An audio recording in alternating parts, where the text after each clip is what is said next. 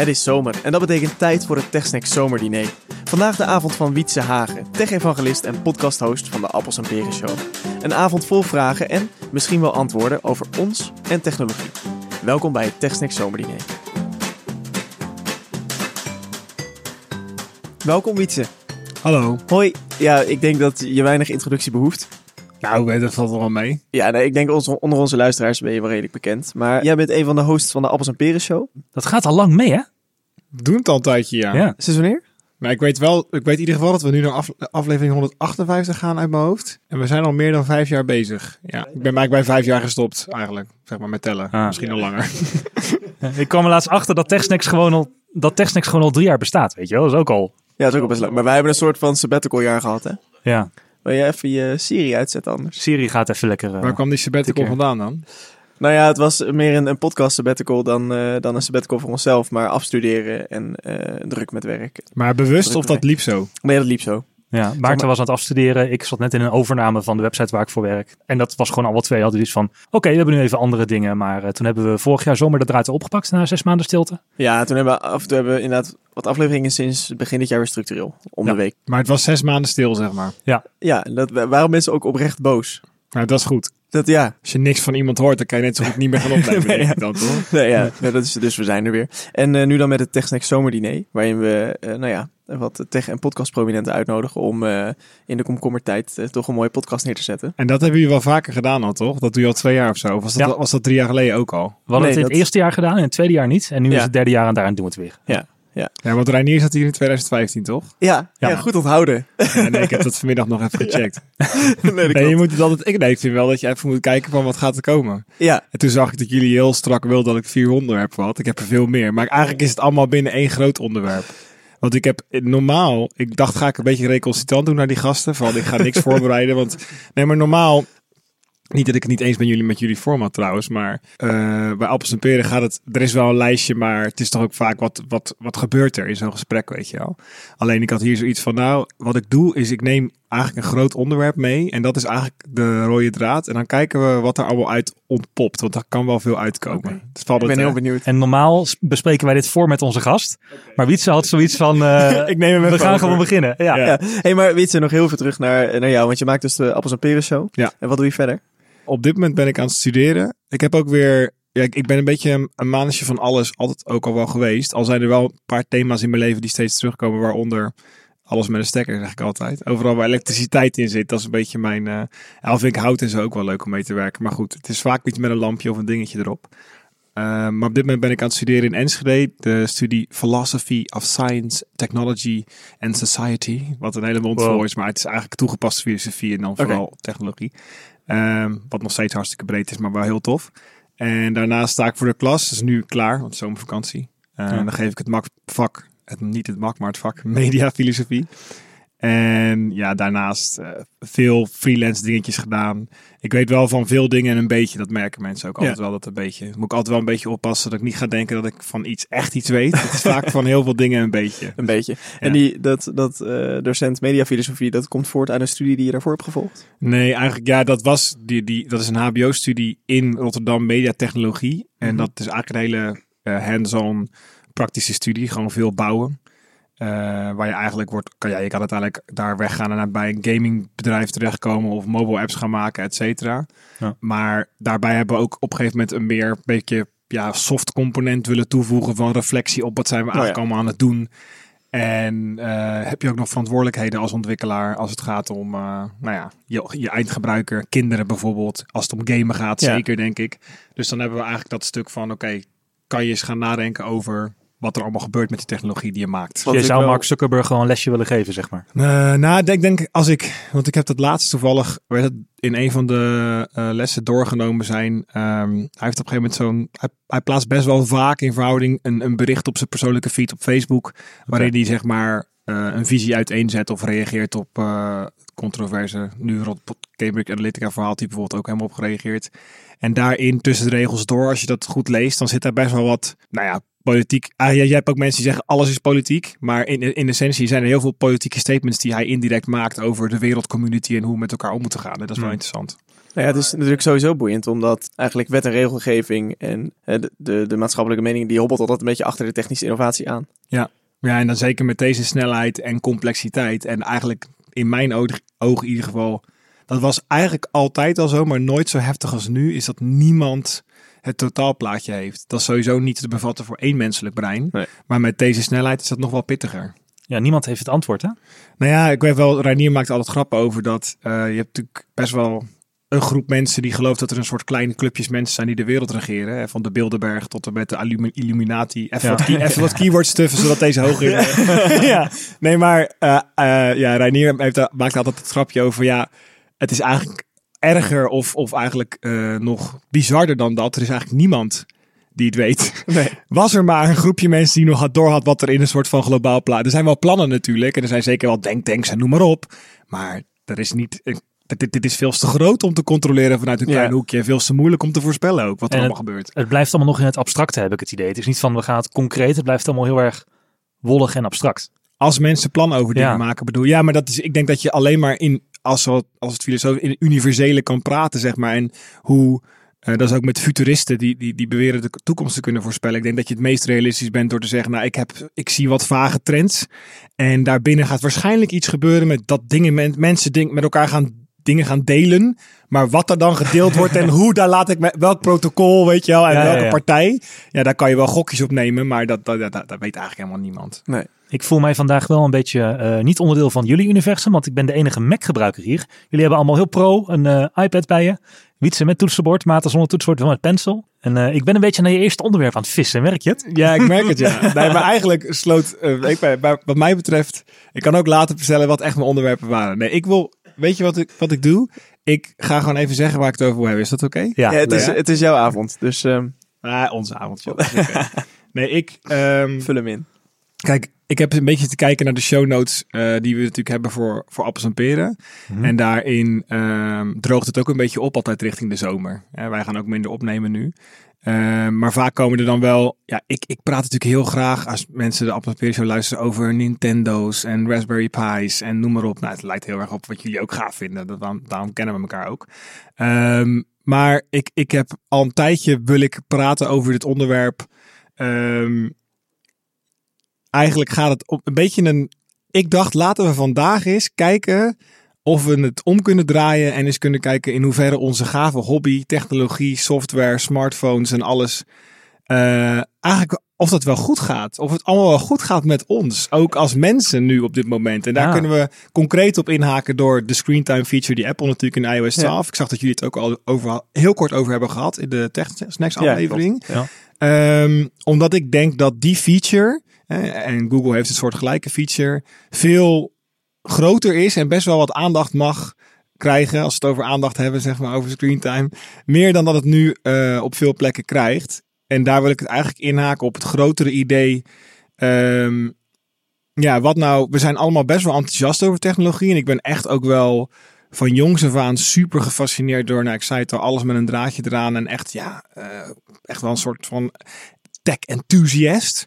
Mhm. Alleen als ik dan naar mijn eigen le- leven kijk, dan denk ik, ja, ik weet niet of het allemaal zo goed gaat nu. En of het ook goed gaat met mij door alle informatie die ik tot me neem en de Ja. gefragmenteerde informatie en het apparaat wat maar, de, wat maar zoveel uren, en nu weet ik het, want ik kan het zien, Ja. en de NIOS 12 eh, tot me neemt. Ja, had je, had je daar een, ehm, om, om even meteen in te gaan op die screentime die je noemde, had je daar een idee bij van tevoren? Ik heb ook die, we draaien volgens mij nu allemaal die beta van... Bij ehm, mij is, het, bij mij is het leeg, dat is een bugje denk ik, want er is geen, er is geen data meer. Bij mij is het soms leeg. Je moet hem even een paar keer reloaden. het is een echte, be- een echte classic is het. Don't try this at home kids. ja, don't try it home. Maar had je, had je van tevoren een idee van, oké, eh, volgens mij zit ik zoveel minuten per dag eh, op mijn telefoon en volgens mij pak ik hem zo vaak op. Nee, ik wist wel, ik wist dat de gemiddelde, voor mij is het gemiddelde sowieso eh 250 of zo. Dat mensen hem aan oppakken en uitzetten, zeg maar, aan en uitzetten. Dus dat is gewoon het aantal keer.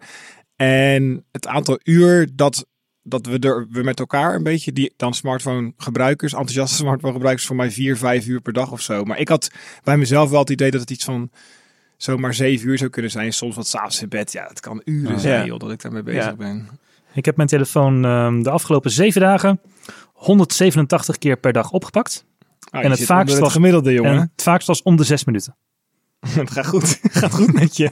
En in het weekend is het blijkbaar het vaakst, want dan heb ik het 38 keer tussen vrijdag en zaterdag omgepakt. Wauw. En gemiddeld per dag 2 uur en 54 minuten op mijn telefoon. Ik pak het er ook even bij. Ja, ik zit op maar. schermtijd. Volgens Ja. mij is dan het bovenste grafiekje. hè?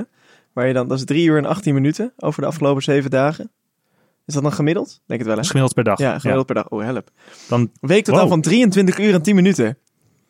Ja, oh, maar Oh, kijk, ik zit op zie 20 al, uur. ik zie al hoe dat komt. Ik was eh, vorige week naar Zeeland en... Oh, je ehm, gaat nou goed praten. Ja. Ik was, ja, nee, maar en ik was eh, een paar keer in Amsterdam en dat doe ik al met de auto en ik zie dat die Waze, eh, dat die allemaal erbij optelt. Ja, ik zat Ah. ook al te kijken. Er moeten nog wel een paar dingen. Want ik had hem op een gegeven moment ook ingezet dat hij me dus ging. eh, dat ik gewoon een straight jacket aan had, zeg maar. Dat hij me ging Mhm. blokkeren. Toen was ik aan het autorijden. Toen zei hij: Ja, je tijd is om. Toen dacht ik: Nee, Ja. man, dit is fucking gevaarlijk. ja. Nee, Apple. Niemand wil navigatie-apps die act. Maar goed, het is nog heel. die, die kun je bij altijd toestaan instellen. ja, Nee, maar dat, wat mij betreft, wie wil dat? Wie wil er? Maar goed, Ja, niemand nee. wil dat volgens mij. halverwege je route. Zo. Maar ik heb, om even een, een beeld te geven, zeg maar. Ik heb hier, ik ga gewoon even wat titels opnoemen van de artikelen die ik, die ik hier dus heb staan. Hè? Ja. Uh, how technology hijacks the people's mind. Social media's denial of service attack on your mind. Uh, het hele idee van de attention economy. Oh ja. What's technology doing to us? Dat is een, een best wel een goede, maar best wel een oude podcast aflevering. uh, met een, ja, dat is een beetje een... Um, hij heet, even kijken hoor, Tristan Harris of, of Tristan Harris, zoals hij het zelf graag uitgesproken krijgt, begreep ik van de podcast. En die eigenlijk binnen Silicon Valley heel erg al jaren aan het vechten is om ver voor deze screentime feature. Eigenlijk is het zo leuk om terug te luisteren, ook omdat je merkt, wow, jij moest eens weten hoe het nu, en dat had hij ook wel gewild, inmiddels ook echt een punt hot topic is Ja. bij de uh, softwarebouwers. Want het is ook nog heel erg de vraag geweest, en nog steeds wel, bij wie ligt dan die verantwoordelijkheid? Wie moet dit gaan fixen? Jij neemt hem zelf heel erg. hè? Je hebt een soort van homescreen wat helemaal zen is. Ja, ja, dat noem jij zo. Maar dat Ja. is ja leeg, ja. Nee, ik, ik ben dus, want daarom vind ik het wel een interessant onderwerp ook om, om te kijken of we daar iets zinnigs over kunnen zeggen. Kijk, je hebt zo'n beetje zo'n een standaard verhaal op het moment dat iemand alcoholist is, dat mensen dan, niet, al, niet iedereen die alcoholist is, maar dat mensen vaak zeggen van, ja, maar ik kan ieder moment stoppen. Ja. Ja. Ik kan Ja. ieder moment stoppen, dus ja, er is niks je aan de hebt een gevleugelde uitspraak dat dan eh, de verslaafde spreekt en niet eh, de mens. Ja, en kijk, op het moment dat je, een, stel dat er een nieuwe eh, drug uit is, een soort crocodile-achtige Ja. drug, en die komt in een niche op in de maatschappij en wij aanschouwen dat en wij horen van, oké, er is een groep mensen die is hartstikke verslaafd, dan kan je zo'n drugs kan je gaan opzoeken en reguleren en Ja. verboden maken en de mensen die het verkopen oppakken, et cetera. En dan verspreid je de informatie over dat het levensgevaarlijk is en dan gebeurt dat niet meer. Maar als iedereen tegelijk een smartphone heeft en heel langzaam, heel, heel erg rustig, zeg maar, heel geleidelijk verslaafd aan het raken is. Ja. Als je in een gekkenhuis geboren wordt, hoe weet je dan wie er normaal is? Zeg goed, maar, dat is, je, ziet, je, ziet, je ziet inderdaad, ik denk dat je het wat dat betreft kan vergelijken met roken. heel erg kan vergelijken met roken. Als je ziet ik, hoe ja. dat eh, maatschappelijk geaccepteerd was.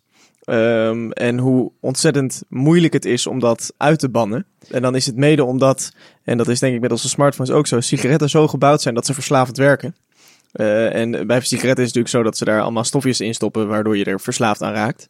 Ehm, maar Maar die eh, metafoor gaat dan, dan nog steeds gewoon op. Want in Ja. dat opzicht, ja. en dat is een De, beetje... apps, de apps op je smartphone zijn als het ware de stof die in de sigaretten zit om je verslaafd te maken. Want die willen je aandacht met pushberichten, met badges die op, eh, op dingen staan. Dat, dat werkt gewoon. Ja, en ze hebben het zeg maar, en dan in, dus in die podcastoverlevering van een paar jaar geleden al heel erg over persuasive design. Wat dan heel erg aan de Stanford ook gegeven wordt als, als course. Waarbij je dus echt leert van oké, dit is ongeveer hoe mensen bazaal werken, psychologisch Ja. gezien. Ja. Ja. Dus dit is de manier waarop je ze kunt persuaden, persuaden om eh, in je app te blijven. Wat natuurlijk voor mensen of voor bedrijven die eh, adverteren, eh, natuurlijk Nou ja, core business is. Als het puur en alleen gaat om tijd, tijd, tijd, zeg maar, en zorgen dat mensen langer blijven hangen, dan krijg je dat. Alleen Ja. het mooie is, en dat is dus wel waarom dit wat mij betreft niet alleen maar een soort van boehoehoe, eh smartphones zijn negatief of eh adverteerders zijn negatief. Dat is mijn punt helemaal niet. Het gaat er in essentie om dat er dus blijkbaar ook andere manieren zijn om dit, ja, noem het op een duurzamere manier te doen dan simpelweg te zeggen, eh, hoe langer iemand in Instagram blijft, hoe beter. Geloof jij die feature trouwens, die Instagram nu het aanhaalt, die Instagram onlangs heeft geïntroduceerd, waarin ze zeggen, je bent, ze hebben geen chronologische timeline, maar om te voorkomen dat mensen blijven scrollen, hebben ze dan nu een soort van feature ingebouwd van je bent nu up-to-date. Ja, die komt tussen de foto's te staan, tussen de Ja. posts. Dan zegt hij gewoon, eh, ja, en als onder deze lijn zijn alleen maar oude posts. Je hebt al een nieuwe post Je bent gezien. klaar. Je bent Ja. klaar, Ja. zegt de Instagram nu. Nou ja, het is interessant, want ja, de, ja, geloof ik die feature? Ik, ik denk dat, ehm, en dat is eigenlijk nog mijn, mijn tweede onderwerp 1, of eigenlijk eh, vraag 1 is: oké, zijn we verslaafd? Hoe gaat het met ons? En eh, kijk, alles heeft twee kanten. Hè? Dus we hoeven niet een keuze te maken, wat mij betreft, tussen uh, boohoo, technology bad of technology good. Want er zijn gewoon heel veel mooie dingen die ook gebeuren. Ik kan een hele voorbeelden gaan geven van smartwatches met hartmeters erop of autistische kinderen die kunnen praten via, via Siri. Je, er zijn hele mooie dingen aan het gebeuren Ja. daardoor. Ja. Dus het gaat mij niet om een eindoordeel vellen over. Maar Maar wat, wat maakte jou dan eh, dat je toch twijfelde? Want daar begon je er eigenlijk mee van, nou, hè, deze vraag heb ik omdat ik twijfel van, is deze, hoe heet het, is deze manier waarop ik omga met technologie en de informatie die tot me komt, is dat wel goed voor mij? Wat maakt dan dat die vraag bij jou opkomt? Omdat ik merk dat ik er niet zo blij mee ben. En eh, ik merk aan mezelf dat ik langer op mijn telefoon zit dan ik zou willen. Dat ik het moeilijk vind om hem weg te leggen. En dan kan je zeggen, nou, misschien ben je ook gevoelig voor verslaving. Dat zou kunnen. Maar ja, ik, ik ben, en het is al voor mij al een aantal jaren ben ik aan het zoeken naar een manier van, ja, hoe hou ik de voordelen en beperk ik die nadelen? Ja. En alleen daarin is het voor mij ook nog eens zo dat ik, eh, ja, misschien moet ik het in een metafoor zo zeggen, stel dat wij met z'n onder, onderdeel zijn van een technocult, dat ik dan nu eigenlijk tegen jullie zeg, hey guys, is het eigenlijk wel goed waar we mee Hebben jullie eigenlijk geen vragen over wat er gebeurt binnen onze grote wereldwijde cult? Weet Ja. je je wat ik bedoel? Ja, Een soort ja, ja, van, ja. die even die vraag stellen, Ja. omdat ik denk dat die wel interessant is als vraag. Nou ja, als je kijkt naar, volgens mij de definitie van een verslaving, is of iemand psychisch of lichamelijk afhankelijk is. Ja, nou ja, zet hem, heb je hem al eens een week uitgezet, je telefoon. Eh, ja, nee, toevallig eh, toen ik, eh, toen Ja? ik Oh. een jaar geleden ging, eh, toen ik een jaar geleden, in de zomer heb ik een trektocht gelopen in de Alpen. En eh, waarbij ik vijf dagen dus eh, geen telefoon had. Tenminste, ik had alleen de camera. Want ik wilde wel foto's maken, maar voor de rest had er geen bereik. Je had er Ah. helemaal niks. Dus het enige contact wat we met de buitenwereld zouden kunnen hebben, was via de berghut, via de satelliettelefoon die ze daar hadden, of via de radio's. Dat is een dag is dat wennen. Eh, dan denk je van, eh, hoe kan ik eh, mijn familie bereiken of hoe kan ik het delen? Maar het is dan ook heel mooi dat op een gegeven moment, je, kan het, ik, je kanaliseert het wel, tenminste ik kanaliseer het wel een beetje in het maken van een foto. Van nou, dan kan ik later het verhaal alsnog delen met degene die ik lief heb en met wie ik dit graag wil delen. Maar je zit wel veel meer in het moment. En ik was daar met een vriend samen. We liepen samen door die Alpen. En ehm, dan ben je wel heel erg op elkaar aangewezen ook. Eh, zeker omdat die telefoon is... Ja, ik heb nog nooit zoveel schaak gespeeld ook gewoon. Ja, fysiek bedoel je. Fysiek ja, schaak, Ja. Mooi 3D, hè? ja, ja, ja. Ja het is resolutie, gaaf, man. ja. Het is net alsof je een soort van augmented en- reality ja. hebt. Ja. Maar dan echt. Goede physics ook. Ja, ja. Geen bril voor nodig. Ja.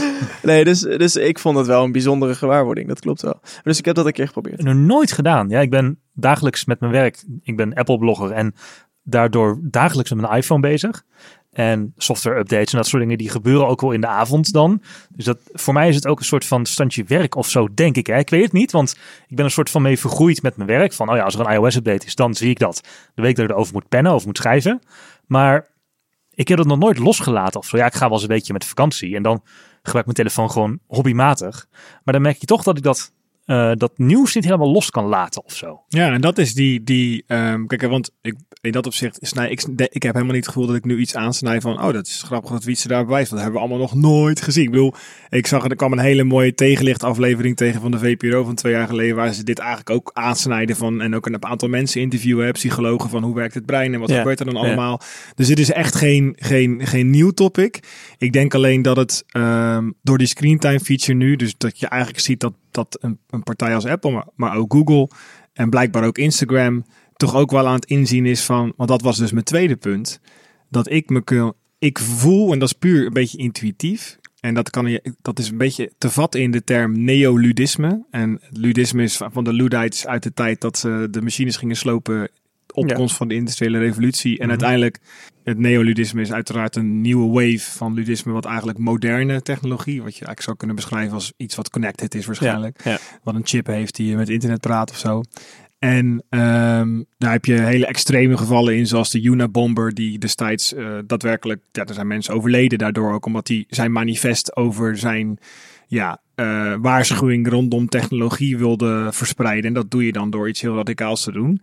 Ehm, dat is een heel radicaal voorbeeld, maar binnen die beweging heb je ook wel, voor zover het een actieve beweging is, in de academische wereld een aantal mensen die geschreven hebben. Er zijn wat filosofen die ook geschreven hebben over dat idee van oké, en dan kan je, dat kan heel breed. Je kan het, zeggen, over- je kan het hebben over con- concrete technologie. Dus gewoon de apparaten. Maar ook wat breder maken naar de hele infrastructuur. Want het ene apparaat impliceert het andere apparaat. Ja. Hè. De smartphone impliceert de toren. De toren impliceert eh, de, de dataconnecties. Oftewel de glasvezel. Voor je het weet ben je met boten bezig. En Ja. diesel in boten. Ja. Want alles is natuurlijk aan elkaar verbonden op die manier. Alles is connected. Ja, alles is letterlijk connected. Maar je hebt, dat, is het concre- dat is wat meer concrete, tastbare technologische infrastructuur die nodig is, zeg maar. Dus eigenlijk het spinnenweb, letterlijk wat we creëren met elkaar. Ja. Wat weer een spinnenweb nodig heeft. En voor je het weet zit je helemaal vastgebonden in allemaal webs. Ehm, dat is een verhaal, maar ook eh, kijken naar ja, hoe, je, hoe die wereld eigenlijk...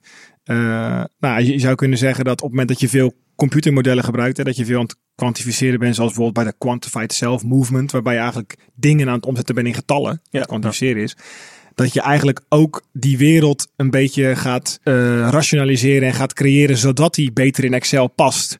Waardoor die wereld die heel vaag was ook meer Excelerig wordt, waardoor je uiteindelijk in gebouwen woont die vierkant zijn, want dat is makkelijker in de in software. Ja. En voor, voor je het weet zie je als het ware de computer in de wereld. Ja. En dat, daar zijn we al lang. Precies. Want al, ja, dan kijk maar om je heen. ja, Ja. dat is gewoon overal. en, ehm, en nogmaals, dat is niet. Wat is het nou goed of slecht? Ik denk alleen dat, eh, dat daar best wel vragen bij gesteld mogen worden. Omdat ik ook, ja, als ik dan in de trein zie, is het natuurlijk heel erg cliché voorbeeld. Maar en iedereen op zijn telefoontje. Als ik wel eens omhoog kijk, want ik zit zelf ook op mijn telefoon. Ja. Geen haar beter. Eh, en ik zie ook mensen dan lachen en glimlachen, omdat ze hele leuke Ja. gesprekken hebben. Dus ik Ja. zie, en als dat een gesprek is met je oma uit Australië, yes, dat dat kan. Ja, dat is weet je wel? dus dus nogmaals, maar aan de andere kant denk ik, ja, ik, ik loop wel eens tegen mensen aan op het station en zo. Wat ik ze Ja. gewoon helemaal niet zie. Voor mij zou ik mijn beste schoolvrienden van vroeger zo voorbij kunnen lopen, want ik ben er helemaal niet, weet je wel. Nee. En nee. dat zie ik wel, dat ik denk van, eh, ja jongens, dit, waar zijn we mee bezig, letterlijk. Zou je het meer willen begrenzen voor jezelf? Eh, ja, en dat doe ik ook al wel, want ik heb al een aantal keer dat ik, met mijn, dat ik een oud Nokiaatje weer ergens optrommel, zo'n festivaltelefoontje. Ja. En is dan, niet de oplossing, hè? nou ja, uiteindelijk lukt het dan weer niet. Nou, ik heb nu, omdat ik een dual sim heb, is het iets meer te doen. Dus dan heb ik hem, dan kan ik thuis mijn, telef- zeg mijn iPhone op Airplane, pak die Nokia, doe ik aan en dan ben ik bereikbaar. Want ik Ja. merk wel dat ehm, het niet bereikbaar zijn, vind ik, vind ik echt nog, dat vind ik nog veel te moeilijk. En dat wil ik misschien Ja. wel nooit. Nee, maar dat vond ik, dat vond ik ook ingewikkeld Gewoon toen in de bergen. telefonisch bereikbaar zijn, hè? Of Ja. een sms'je of zo. Ja, dat vond ik toen ook in de bergen vond ik dat ingewikkeld. Eh, want ik denk, ja, als nu met, met iets met mijn oma van, eh, van in de 90 is, dan. eh, Dat is ook altijd mijn horen. voorbeeld. Oma. Ja. En ehm, dan was dat dan van, je hebt niet eens meer de wereldomroep die eh, de ANWB-berichten, de familieberichten omroept. Dus dan zou dat dan via de bergen moeten. Maar inderdaad, dat bereikbaar zijn vind ik ook wel een dingetje. Maar als je nou 50 jaar terugkijkt, duurde het een week voordat je wist dat je oma was overleden. Ja, we ook overleefd. Maar kijk, Ja, dus- ik, weet niet of het, ik weet niet of het toen al zo lang duurde, man. Voor Oh. mij. maar ik snap je punt. Maar dan was het niet in. Dan kon jij. eh, ik heb het wel eens met mijn vader over gehad. Ik zei: Pa, hoe sprak jij met vrienden af naar de kroeg te gaan vroeger? Ja. Ja. Weet je wel? Hij zei: Nou, je- op een gegeven moment kon je gewoon thuis bellen. En dan belde je elkaar eind van de middag zo'n beetje rond etenstijd op. Van joh, ik ga zo naar de kroeg. Ik ben er rond 7 uur. Ik zie ik je daar. Ik zie je daar. En anders sprak je dat af wanneer je elkaar zag van zie ik jou volgende week. En je had vaste dagen en ritmes. Daar komt ook natuurlijk het hele idee van, vandaan van het samen dingen meemaken. Dat vind ik bijvoorbeeld heel mooi nu aan, aan het WK. Is dat die wedstrijden worden uitgezonden op een bepaalde tijd. Eh, als een van de weinige dingen nog. Hè, want alles is Ja. allemaal eh, on demand. En we zijn allemaal super vrij en individualistisch om onze eigen... Ja. Ja, we kunnen alles helemaal zelf bepalen. Alleen eh, binnen, binnen die opleiding die ik dan doe, gaat het heel erg over eh, hoe infrastructuur ons vormgeeft. Hoe technologie ons vormgeeft. Omdat vanuit een instru- instrumentele gedachte denk je dat technologie eigenlijk alleen maar een instrument is. En alleen maar een tool. En die doet gewoon wat wij willen doen. En als we iets anders mee willen doen, dan doen we er iets anders mee. Dus wel een beetje redelijk wat veel mensen geloven. Ja. Eh, maar dat, dat, is, dat wordt in ieder geval heel erg bevraagd al een tijdje binnen mijn, mijn veld, zeg maar, waarin ik eh, studeer en lees en nadenk. En daar gaat het heel erg over de non-neutraliteit van technologie en hoe technologie bepaalde dingen onbewust eh, afdwingt. Of in ieder geval persuasive kan zijn, kan nudgen. Dat zijn een beetje de termen die je dan vaak hoort. En een concreet voorbeeld daarvan is bijvoorbeeld eh, wanneer je een waterput hebt in het midden van een dorp waar iedereen iedere dag heen moet lopen. Dan ontstaan daar praatjes rond de waterput. Ja. Dan ontmoeten de vrouwen zich daar rond de waterput en roddelen even over hoe alles met iedereen gaat. En als iemand ziek is, komen ze elkaar opzoeken, et cetera. Beetje een romantisch beeld. Er zullen Ja, genoeg cholera uit de waterput zijn gekomen ook. Dus begrijp me niet verkeerd. Ik ga niet, ik wil hier niet de vroeger was alles beter romanticus Nee, ophangen. nee, nee, maar er zijn elementen die vroeger beter waren, denk ik. Of in ieder geval, als je dat waardevol vindt, dan was dat toen beter. En op een gegeven moment dat je dan dus centrale eh, water gaat aanleggen, wat water is schoner en beter bereikt, nog maar allemaal voordelen. Alleen niemand hoeft zijn huis meer uit. En dat creëert dus een hele andere sociale structuur, omdat Ja. je de waterput hebt weggehaald. Ja. Nou, als je dat kleine, simpele voorbeeldje pakt en dan gaat toepassen op smartphones en hoe iedereen daar een individu kan zijn, alles zelf kan regelen op zijn telefoontje en pizzaatje kan bestellen thuis. En als je, het- als je het slim doet, of slim, dat is eigenlijk helemaal niet slim, hoef je eigenlijk die gozer die het kon brengen, of vrouw, niet eens aan te kijken. Nee. Voor je hoef je niet meer te geven, want je hebt al via je ideal betaald. Ja. Yes! Weet je wel? Net als met Uber. In essentie kan je met je petten en je zonnebril op gaan zitten en weer uitstappen en niks doen. Krijg je wel lage punten. anoniem, eh, ja. Maar, maar snap je een beetje wat ik, wat ik, Ja. hoe, die, hoe die technologieën, bewust en onbewust, Maar goed, je ziet ook nieuwe, eh, je ziet ook nieuwe omgangsvormen ontstaan. zeker, zeker. Ja, als je, eh, nou ja, pak de dating apps erbij. Eh, wat natuurlijk veel meer mensen ehm, op een hele andere manier bij elkaar brengt. Ja, en ook hele sociale contexten waar voorheen je logischerwijs bij iemand op geografische eh, afstand zeg maar dichtbij kwam. Dus je vriendin kwam waarschijnlijk uit de buurt, want Ja. die heb je daar ontmoet, letterlijk in de fysieke ruimte. En nu heb je een vriendin uit Australië, want die heb je op basis, die was toevallig in Amsterdam en je had je app aanstaan. Ja. En voor je het weet verbind je twee groepen met elkaar op de wereld die nooit met elkaar verbonden zouden zijn geweest. Ja. Ja. Als je dit terugredeneert, dan is het ontwerp van de software, van een softwarepakket of een app, heel erg bepalend voor ons leven eigenlijk. En voor de vormen die in de wereld zijn. Want als een architect een softwarepakket heeft wat alleen maar in vierkantjes kan denken en wat bepaalde, ja, bepaalde inhoudsmaten hanteert, dan gaan mensen zich toch naar het ontwerp van die software zetten. 100%. En dit is dus als en dat is best wel, ja, pittig hoor. En, Ja. en als je dus op die manier. eh, kijk, als je dan dus een klei, in, in een verhouding kleine club eh, mensen hebt, een groep mensen die die software maakt, die wordt gebruikt door miljarden. Ja, dat, daar, ligt, daar, daar zou je van kunnen zeggen dat daar een verantwoordelijkheid ligt. Ja. En dat is, dat is zeg Ja. ik zo voorzichtig, omdat niet iedereen het daar per se mee eens is. Zeg ook van ja, nou ja, goed hè. Ik maak Instagram, je kan er de hele dag op zitten, maar je moet zelf maar zorgen dat je het uitzet. Maar ja, als jij natuurlijk zorgt dat, dat, het, dat het een soort van fruitautomaat feed is Ja, die je naar beneden trekt met je vinger de hele tijd. Ting, ding, ding, ding, ding, ding, en ding. komt wat nieuws, altijd Ja, en- satisfaction. Ja. Die kleine dopamine shots, waarbij we inmiddels wel... Ik denk dat we ook wel eh, op een punt zijn nu... eh, kijk, eigenlijk wat ik wilde zeggen is dat ik voel bij mezelf een aversie ontstaan richting technologie. Ja. En Ja. daar kan ik niet de enige in zijn. En ik hoor ook wel eens mensen om me heen. Ik zie mensen struggelen hiermee. Ja. Die de voordelen zien. Die, die soort van. Die, die gaan alsof. alsof oh, nou, een beetje terugkomend op alcohol. Weet je wel. Van. Hè, als ik een paar biertjes op heb. Dan is het wel iets gezelliger. En dan durf ik wat meer grapjes te maken die ik normaal niet maak. En het is echt wel een social lubricant. Maar aan de andere kant, ik word er een beetje dik van. En ik, soms drink ik te veel. Bewijs, dit gaat even niet over mij thuis. Want alcohol is toevallig een van de dingen. Ik zou dat zo vertellen als dat zo was. Maar waar ik niet zoveel moeite mee heb. Maar Nee, dat is mijn geluk, nee. laat ik het al zo zeggen. Dus we zitten een beetje van. Wat geeft het me aan de ene kant, maar wat neemt het me af? En ik denk dat, dat, dat, het, dat, het, eh, dat we meer en meer, zeker nu ook omdat de softwarebouwers blijkbaar een verantwoording zien, want anders bouwen ze het er niet in, Ja. dit gesprek zullen hebben. Dit, Ja. dit voorbeeld, wat ik vaak geef, is dat vroeger waren mijn ouders heel erg tegen, oh zit je weer op je computer, zit je weer op je smartphone. Ehm, tegenwoordig zijn mijn ouders ook net zo actief met computers en smartphones in de weer. En ik heb het idee dat hun generatie nog iets meer hoekt, makkelijker hoekt raakt, dan onze generatie die er wel bewust over aan het nadenken is. En ik vind het heel bijzonder dat die generatie die ooit... eh, zit je weer achter de computer, eh, ga gewoon buiten spelen. Dat die nu zo hoekt is en dat wij als nieuwe generatie er zo over nadenken. Dat is, als je daarover nadenkt, toch bizar dat dat zo geshift is. Nou, ik, denk, ik denk dat mijn vader MDMA ook heel lekker vindt.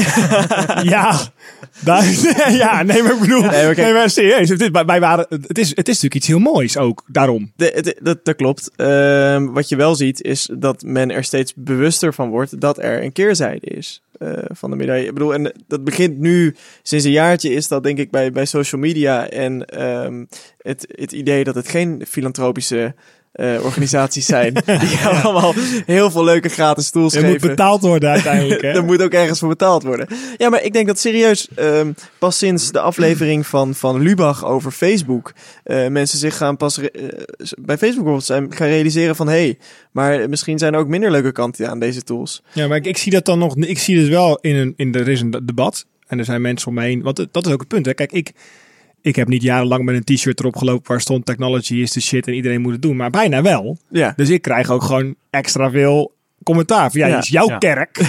Ja. hallo, Ja. jouw leuke kerk heb je man. De hele wereld valt uit elkaar. Goed geregeld. Ja, goeie- mooie cult zit jij in. Dus je krijgt die vragen. Dat is ook goed. Want als je daar een grote mond over hebt, dan krijg je daar ook commentaar op. Alleen, ehm, ik zie dat dan nog niet per se resulteren in daadwerkelijke actie. Kijk, ik heb, en dat, dat zeg ik helemaal niet zo van, eh, dat moeten jullie ook doen. Maar ik heb op een gegeven moment mijn Facebook dan verwijderd, eh, anderhalf jaar geleden. En eh, ik ben nog, en ik, ik heb geen Instagram, ik heb geen Twitter, omdat ik merkte dat het, dat heeft ook erg te maken met hoe mijn brein in elkaar zit.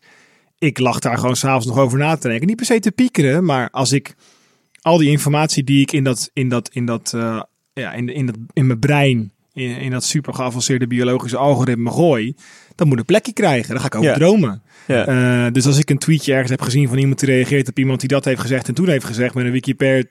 Wikipedia-artikel van een of andere, weet ik veel, uh, legercommandant uit 1954. En ik ben aan het lezen over de Japanse oorlog en kamikaze. En voor het weet, weet ik veel, is er een spel op de NES dat kamikaze heet. En ben ik daar de broncode van aan het doornemen. Want zo gaan die dingen. Ja. En dat is Terwijl je in bed ligt. ja, ja, het is alweer half vier. Pak ik me morgen vroeg op. Nee, maar dit is ook een, een eh, hoe zeg je dat? Sluit een ADD eraan op internet en je hebt een probleem. Ja. Weet je wel? Dus Ja. ik zeg ook niet we, we, we. Maar dit ben ik. Alleen, ik zal er niet de enige in zijn. En dat zie ik om me heen ook gebeuren. En mensen hebben dat in meer of mindere mate, eh, zien ze dat ook bij zichzelf gebeuren. Het is natuurlijk ontzettend dubbel. Hè? Aan de ene kant probeert Facebook je terug te halen met herinneringen delen en e-mailberichten. Aan de andere kant willen ze dan zo'n je bent helemaal bij functie inrichten. Ik heb dat ze soms zelf ook heel wat tegenstrijdige signalen geven. Ik heb bijvoorbeeld de Facebook app verwijderd vanaf van mijn smartphone. En ik kom nu alleen op mijn smartphone maar op Facebook als ik zelf facebook.com intik. Ik heb geen snelkoppeling, geen niks meer. En sindsdien is Facebook veel meer eh, delen is leuk. Kijk naar deze herinnering. Je vrienden. Oh, hier zijn je vrienden. Oh, daar zijn je vrienden. Dus aan de ene kant weten ze verdomd goed dat ze zo'n functie gaan maken. Die zegt, eh, zoveel zit je erop en je bent er helemaal bij. Maar aan de andere kant is er blijkbaar toch een afdeling binnen dat bedrijf die met user retention Ja, betrokken is of zo. Die dat, dat, Nou, dat, dat streeft elkaar allemaal hopeloos Nee, maar- tegen. Als je je Facebook gaat verwijderen, dan krijg je ook hele lijsten van mensen die je gaat missen en zo. Ja, dat is pittig, man. Dat- nou, kijk, het, het ding is dus maar dat wat clasht je- toch enorm. Nou, dat clasht ook. Maar ik denk dat... dat, dat we, eh, Ja, maar dat is, Facebook is geen filantropisch bedrijf dat alleen maar leuk is om Nou ja, kijk, voor jou ik- dingen te delen. Kijk, het ding en- is van, ik ben dus niet zo, en ik zeg niet dat jij dat bent hoor, maar kijk, ik, ik merk om me heen ook al veel mensen die denken, ik weet niet of jullie vroeger Inspector Gadget keken, Mhm. maar je had zeg maar die dude die je nooit zag met die kat ook. I'm gonna get you gadget. Die gast. En heel Ja. veel mensen hebben in mijn ogen het idee dat die man echt bestaat. En Ja. de wereld ergens, nogmaals, ergens bij Facebook zit van, how can I kill them all? Dat ik denk van, nee. Sensory, Het is gewoon. Nee, maar het is gewoon een. Ja, precies. Het is gewoon. Daar zit gewoon een, een board of directors. En Zuckerberg zit daar ook. En daar moet gewoon geld verdienen. En er zijn targets. Want dat is, maakt het ook een gezond bedrijf. Dus dat is allemaal in de basis helemaal niet verkeerd. Alleen dat resulteert dan in dat je gaat optimaliseren. En uiteindelijk resulteert dat erin. Dat je dus, als je een heel, als jij een algoritme bouwt met als enige doel attention, dat is dus je hele attention economy, want iedere seconde van aandacht keer aantal mensen is geld, Ja. dan ga je dat probleem als een echte ingenieur optimaliseren. Maar het is, het is, het is net als eh Marlboro, een commercieel bedrijf. ja, Daar zit ook een board of directors. Nee, en, daar dus- zit ook, en die zeggen ook van, ze hebben gewoon een product te verkopen. En een product verkoop je niet als mensen ervan weggaan. Alleen, het, volgens mij is dat de, de grote... Sigaretten weten we inmiddels, dat is slecht. Hè, dat is heel duidelijk, dus dat bedrijf is ook Ja. niet zo goed. In ieder geval niet zo goed voor jou als consument. Social media zijn heel lang, en, of eigenlijk heel veel online diensten, zijn heel lang gebracht als zijnde het is gratis. Je kan het prima gebruiken. En mensen hebben volgens mij te weinig stilgestaan. Sowieso bij het toenemend gebruik, en dat is volgens mij weer je vraag dat het voorkomt. Het toenemend gebruik van, van internet en eh, digitale diensten. eh, dat het alleen maar leuk en goed is geweest. Maar er blijkt ook een keerzijde te zitten. Dus volgens mij zien we die ook bij social media. Ja, zeker. En ik zie dan social media nog als een uitwas en een, en een groot voorbeeld. Maar wat mij betreft is het wel het, echt het hele medium hoor. Ja. Want ik, ik zie het voor mij is het hetzelfde als dat er iPads en Chromebooks op scholen gebruikt worden. Waar ik de voordelen van zie, maar ook zeer erg de nadelen van zie. Ja. Omdat het hele idee van digital is better of zo. En we gaan de, de digitalisering van de wereld of zo. En dat is, tuurlijk is dat goed. En als je het dan gaat bevragen, dan komen er een soort van vage antwoorden. Minder papier. En dan, ja, what the fuck? Ja, ook minder, min- minder aandacht, minder mensen, man. Want, weet je wel? Nou, om, om een voorbeeld te geven.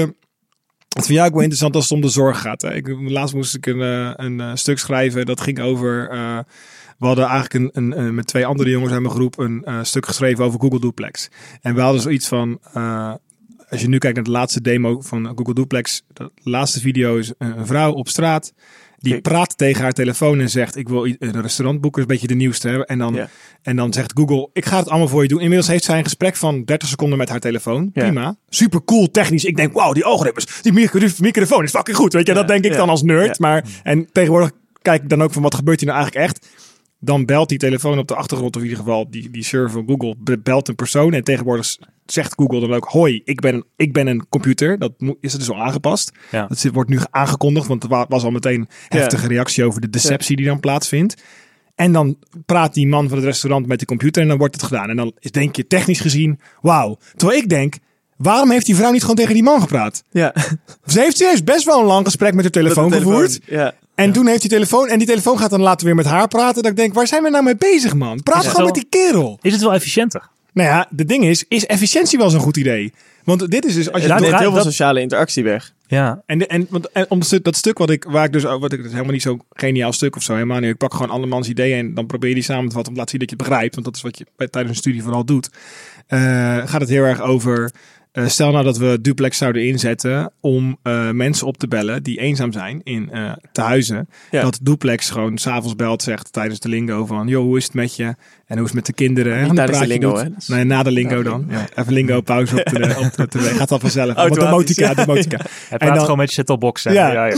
Precies, dat regelen wij technisch. Gaan we dat, de, de nerds regelen het op de achtergrond allemaal wel. Ik zie, ik weet al precies waar, welke webhoek ik moet gaan aanroepen. In welke if this en that. Maar goed, maakt niet uit.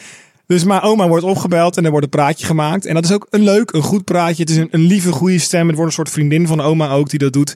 En die, die schrijft daarna een soort eh, executive eh, summary. En die mail krijg ik als kleinzoon. Dit is hoe het met oma gaat. Waardoor ik in één minuut op de hoogte ben van mijn oma. Scheelt mij weer dat kuttelefoontje naar oma. Even zo gezegd, hè. Wat Kan je ook zeggen vaak dat- vergeet. Nee, Nee, maar ik bedoel- oma zich. Ja. dit klinkt even heel hard. Ik vind het helemaal geen kuttelefoontje. Maar blijkbaar zijn we erover aan het nadenken om deze dingen te outsourcen. Ja, ja. en en het, het punt is dat je in de positieve zin kan zeggen van nou, iedere, iedere dag wordt er iemand gebeld. Het is een soort vriendschap over de telefoon. Een soort penpal-achtig telefoonbuddy. Dus het is niet per se verkeerd.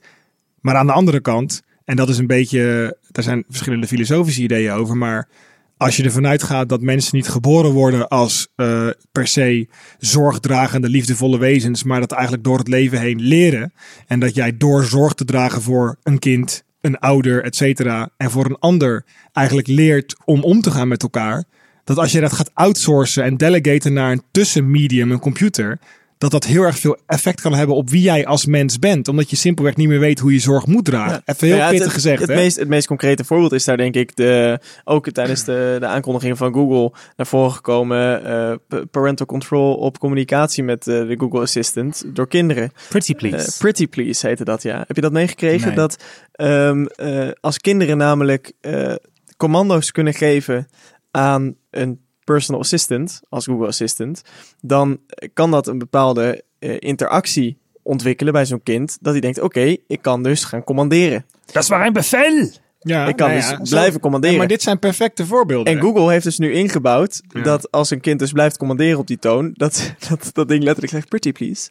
En, en dan moet het kind eerst eh, eh, netjes een normale vraag Wil je stellen. dit doen? Maar waar je, waar je uiteindelijk naartoe, waar je naartoe gaat, is dat je bewust en onbewust eigenlijk begint met het black boxen. Je gaat eigenlijk alles achter een API zetten. Hè? Dus in dit geval, stel dat je zegt laundry as a service. Ik heb geen wasmachine meer. Ik heb gewoon een. een, een eh, Oké, stel, je- dit is echt de typische service die er waarschijnlijk tien keer is in Silicon Valley ook al.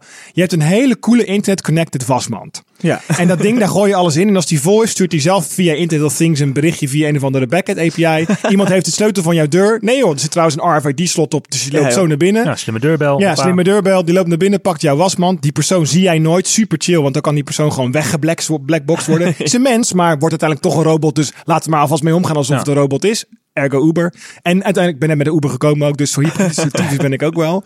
Laat dat even duidelijk zijn. Ik maak volledig gebruik van deze infrastructuur terwijl ik er commentaar op heb. Zo werkt de hypocrisie. En, ehm, dus die, en die wasmand. Ja, en die wasmand. Ik kom thuis van mijn werk en die wasmand is gewoon gevuld, opgevouwen met mijn was. En voor tientje per maand extra strijkt hij ook nog. Ja, het is gewoon een magic wasmand. En Ja. het punt is dat je daarmee dus eigenlijk... Je zou kunnen zeggen dat wij de, dat we eh, op die manier een groot deel van de wereld al weggeblackboxed hebben. Want de iPhone koop je in de winkel, die ga je niet ophalen in Shenzhen en erbij staan terwijl die gemaakt wordt. Anders zou je zien onder wat voor omstandigheden. En dan denk je, ja, dat vind ik eigenlijk best wel kut. Ja. Dus, dus we hebben al eigenlijk alles zitten we achter een soort van, noem het een soort van physical API's. Snap je wat ik bedoel? Dus we stoppen alles in een doosje.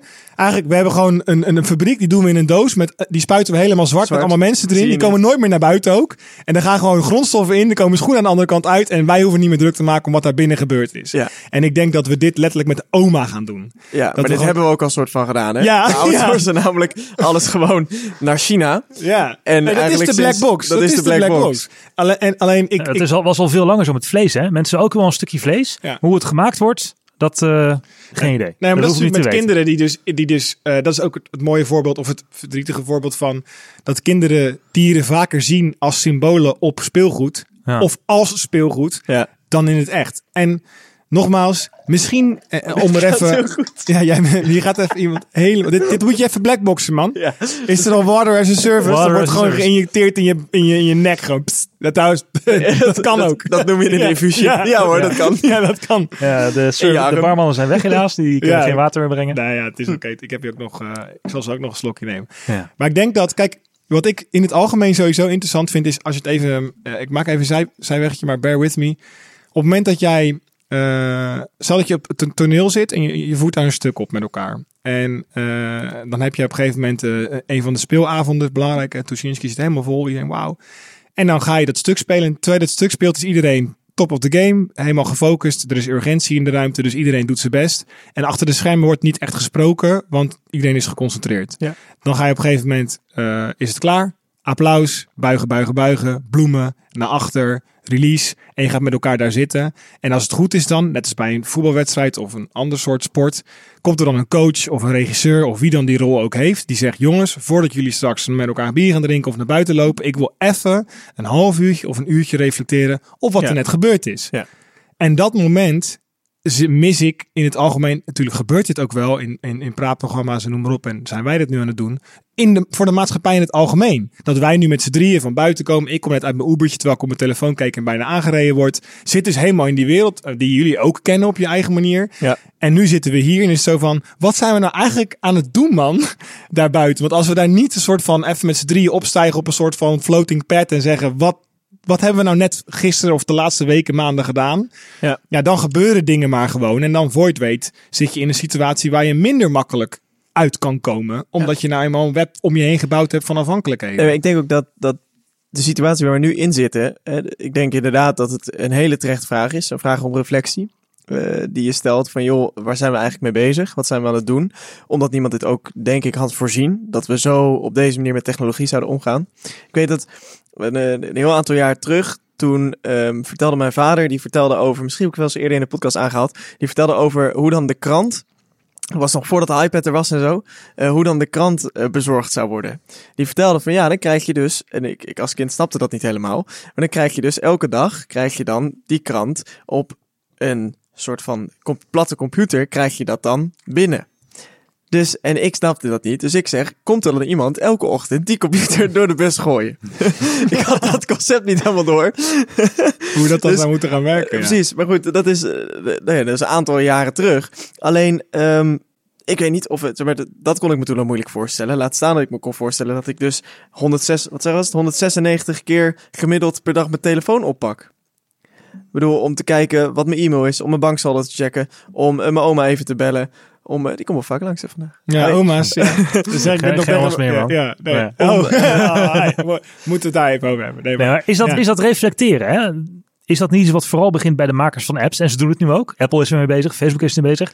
En hebben zij niet door ehm, onze druk, dus wij maken onze druk over, wij forceren hen om erop te reflecteren. En daardoor hebben we nu die... Nou, nee, nee, nee, zij, zij helpen ons hierbij. Kijk, en iemand die, hè, als we het hebben over, oké, hoe we nu met deze dingen omgaan, dat is ons gedrag, hè. En hoe we omgaan met onze telefoon en met de informatie die ons toekomt, dat is ons gedrag.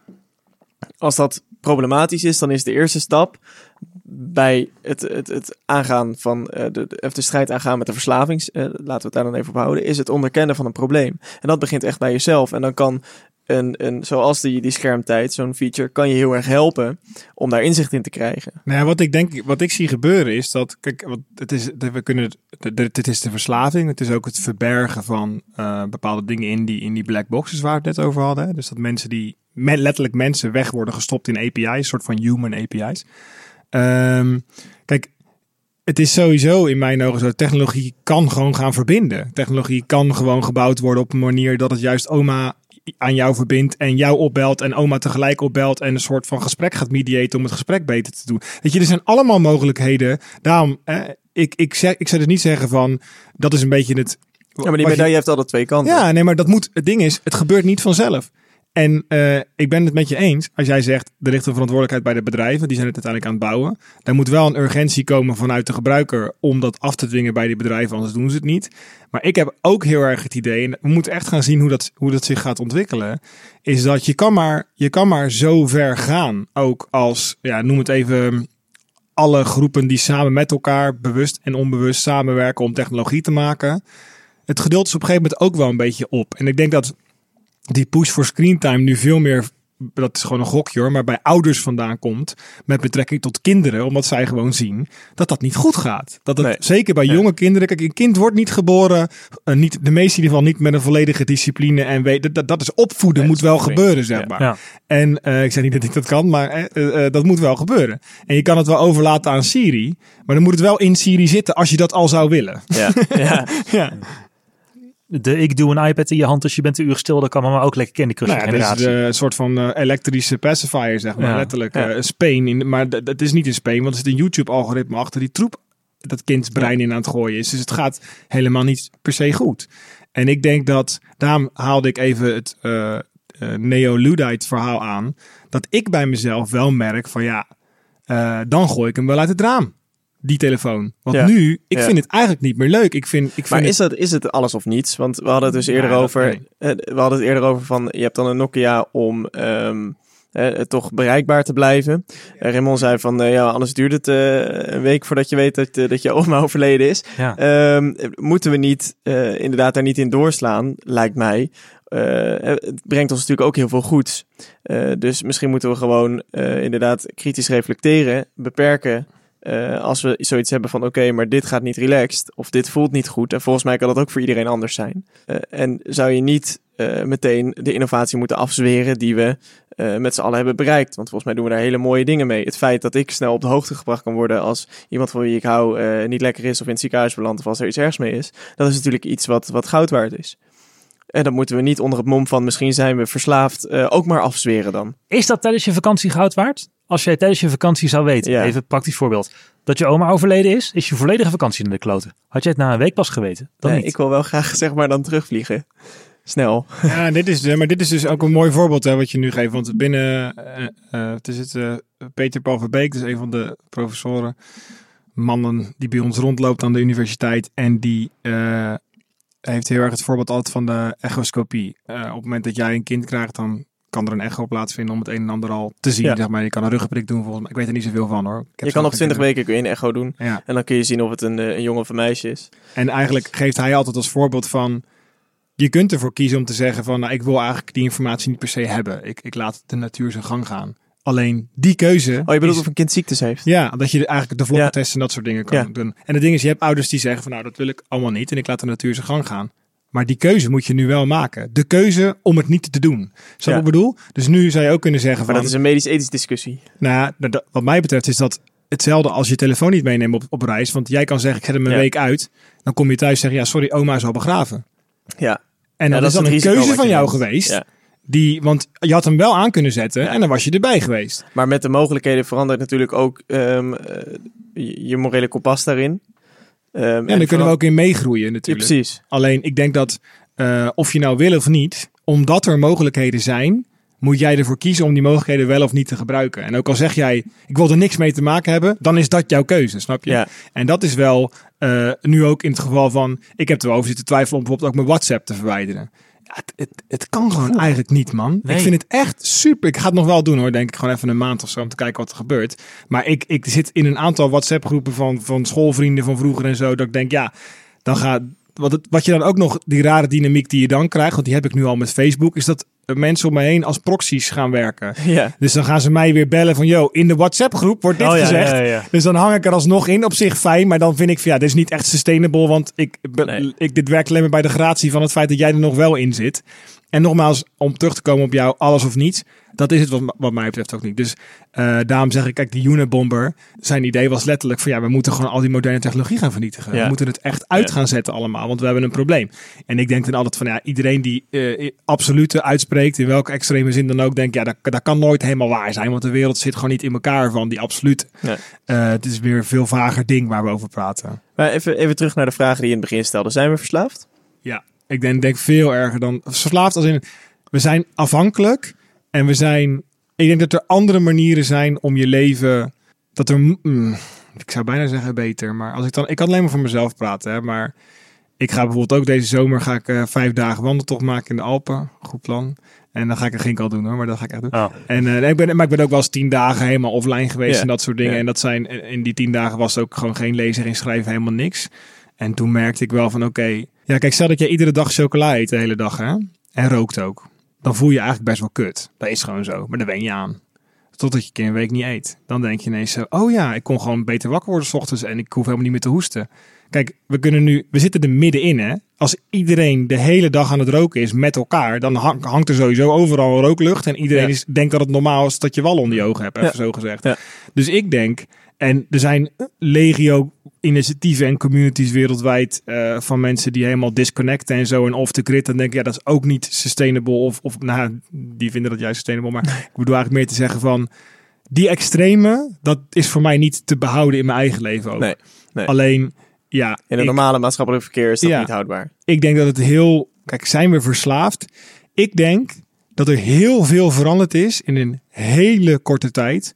Dat we ineens allemaal met supercomputers op zak lopen die always connected zijn, unlimited en overal hangt op, op borden van Tele 2. Omdat het kan. Je bent Ja. het waard. Je moet het doen. Weet je wel? Want die vinden het fantastisch. Want meer Netflix kijken, want dat is beter.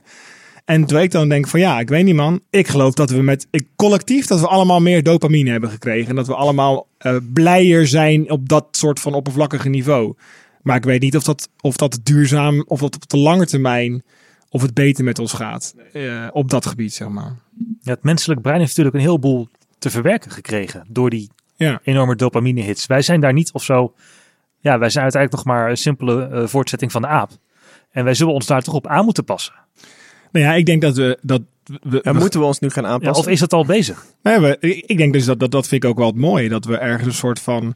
Ik weet niet zo goed hoe dat werkt. Daarom noem ik het in, in- eh, intuïtief of een soort van onderbuikachtig gevoel dat ik nu bij mezelf merk. En als je dan gaat googlen, vind je allemaal websites vol met in, in de, je hebt het eh, time, La- time Well Spent Initiative in Amerika met duizenden mensen die, weet je, er zijn allemaal initiatieven, boeken volgeschreven, TED Talks helemaal vol. Dus er is gewoon een heel ding gaande. Ja. Want er zijn Ja. veel meer mensen, en zeker mensen die ook bezig zijn met ehm, eh, eh, bijvoorbeeld die eh, op een basisschool lesgeven of kinderpsychologen zijn, die gewoon kinderen in de wachtkamer hebben zitten die niet eens meer langer dan een seconde Nee. ze aan kunnen kijken. Want zover is het echt. Hè? Ja. En, en, en dus daarin denk ik dat er heel veel alarmbelletjes gaan van, wow, die Nintendo-generatie was heavy, maar die iPad-generatie is helemaal koekoek gewoon. Weet je wel? Dat, dat bewijst ook het lijstje wat je aan het begin noemde aan artikelen. en, Man, man, man, man. Er is echt een heel, en best wel een flink debat gaande. En ik denk dus dat op het moment dat, de, dat we, laat ik het dan even maar even zo zeggen, want ik wil het niet over de schutting gooien bij Apple, maar Apple moet het ook niet over de schutting gooien bij mij. Dat moet samen, zeg maar, als het dan even over Apple gaat. Dat eh, op, je, kan maar, je kan maar zo ver gaan totdat mensen er echt eh, ja, dat is denk ik ook waarom Instagram dit moet inbouwen. Omdat uiteindelijk hebben mensen gaan het verwijderen. Uit een soort radicale eh, actie, snap je? Van, Ja. Hoef, ik, ik, ik, ik, dit neemt me over, ik doe het maar helemaal weg. Wat Instagram niet wil, Ja. want dan zijn ze een hele gebruiker kwijt. Dat is Ja. wel een hele menselijke reactie van, oh, het neemt me over, ik weg ermee. nee, ik ga het dat- meteen gewoon Dat heb ik dus ook heel erg vaak Ja. gedaan. Dat ik denk, dan maar alle drank thuis weggooien, weet je wel. Ja. Even als voorbeeld. Want Ja. ik- dan kan ik blijkbaar niet mee omgaan. Terwijl ik denk het beste is om te kijken. Het is ook heel erg een persoonlijke kwestie van, oké, wie regel die discipline gewoon zelf. Leg die gekke telefoon nou eens weg. Dat is jouw probleem. Terwijl ik denk, nou, oké, misschien is dat dan voor mij iets waar ik aan kan werken. Maar dat kan een kind dan veel minder, mak veel minder goed. Zeker niet als Ja. ouders er ook niet op aansturen in dat, in dat opzicht. Dus, ehm, en ik denk dat we helemaal nog niet goed weten. Dat weten we namelijk nooit, want dingen gebeuren en dan zien we later pas wat er gebeurt. Wat er nu allemaal eigenlijk echt gaande is. De geschiedenis is altijd een reflectie op toen. En dan Ja. hebben we hele mooie patronen en zeggen we dat was de renaissance en de middelba- middeleeuwen. Ik weet niet hoe deze tijd gaat heten. Nou ja, je ziet, je, ziet, je ziet nu ook al stroming ontstaan. Tenminste, in Amersfoort is er een eh, koffiehuis, eh lunchroom-achtig eh, iets. Waar je ontzettend goed kan, kan eten. Eh, Corazon heet het. Maar daar is het niet meer de bedoeling dat je met je telefoon eh, op tafel zit. Oh, dat hebben Ja. we in Rotterdam ook een paar jaar. Zen-cafés of zo. Gewoon van nou ja, geen dit is dus smartphones, is geen afleiding. zendcafé. Het is Oh. gewoon een... Het is gewoon iemand, een ondernemer, die zoiets had van ja, ik vind dat ongezellig. En daarbij heeft hij ook gezegd geen, geen laptops en eh, geen tablets, omdat hij geen mensen wil hebben werken in zijn zaak. Ja. Ja. Dat bepaalt toch de sfeer. Ehm, maar je merkt wel dat, eh, nou dan kun je de parallel met roken weer trekken. Eh, dat eh, het niet roken in de horeca, wat eh, aan het begin voor heel veel weerstand zorgde. En nu dat je gewoon in de kroeg normaal kan ademhalen als niet-roker, wat op zich wel fijn is. Nee, en ik denk dus dat als Apple zijnde, zeg maar, op de, als we gewoon even kijken, en, en Google ook met hun screentime-achtige feature, je moet zorgen dat je dat kan faciliteren. Je moet zorgen Ja. dat je eigenlijk altijd klaar bent voor die tijd, want dit gaat veel, mensen gaan hier veel meer behoefte aan hebben en gaan veel meer willen dat, eh, en dat nu vind ik bijvoorbeeld super gaaf dat je nu met screentime ook kan zeggen dat hij s'nachts gewoon helemaal niks doet en s ochtends zegt hij goedemorgen en pas als jij echt na, door het goedemorgen scherm heen gaat, bombardeert hij je pas met notificaties. Wat ik dan Ja. ook nog uit heb staan allemaal. Dus er komt dan behalve goedemorgen niks. en ik denk, nou, dat is toch nice. Dus het is, maar je wil, je wil uiteindelijk ook dat het super simpel is om ergens een telefoon in niet storen te kunnen zetten. Die wel, als, als er gebeld wordt over oma, daar is oma weer. Dat die automatisch na drie keer wel, dat zit er allemaal al in. Dus dat Ja, is eigenlijk dat is wel, al, ja, ja. is super, super mooi dat je die mogelijkheden hebt. Want anders moet die uit. Ja. En Hey, wat- helemaal uit is, is niet mooi voor, voor de bedrijven, laat ik het dan zo zeggen. Nee. En wat heb jij nou concreet gedaan dan toen je deze vraag bij jezelf stelde? Want je hebt dus je social media verwijderd, je, je Facebook, je Instagram, je Twitter. Heb je nog meer stappen gezet dat je Nee, zegt maar van, voor mij ik dit dit is- aangepast? Nou, dit is echt wel een proces van jaren. En er zit ook wel een, eh, een filosofische kant aan, om het even zo te noemen. Kijk, eh, ik, ik tipte er net al een beetje aan. En ik eh, heb een, nou, een soort gelijkachtig, eh, maar dat was meer op een, op een wat abstracter niveau, discussie gevoerd met eh, David en Sander. De, de gasten die ook nog gaan aanschuiven bij jullie. In de, een van hun zeepkast afleveringen, waar ik eigenlijk een soort relaas heb gehouden voor of tegen. Of in ieder geval een kritische noot bij rationeel nadenken, interpreteren, tellen. Eh, en eigenlijk hele, de hele wetenschappelijk denken. Niet dat is verkeerd, want fantastisch wat er allemaal is. Wat fijn dat het er allemaal is. Maar het is niet het enige wat er is. En dan kom ik niet ineens met een soort van woe-woe wawa aanzetten. We moeten allemaal gaan knuffelen of zo. Maar wel een beetje die kant op. En het wat softer, zeg maar. Wat minder, het wat meer kwalitatief in plaats van kwantitatieve, zeg maar. En ik denk dat als ik naar voor mezelf kijk, waar ik net over had met het verexcellen van de wereld. Of hoe eigenlijk de wereld meer een computer begint te lijken door al die computers. Eh, en, en we ook meer gaan handelen als machines, omdat we in een soort machine leven. Want die machine heeft nou helemaal of dit, if this, then that nodig. Het zijn allemaal OR gates ergens diep onder. Dus we leven in een soort binaire digitale wereld.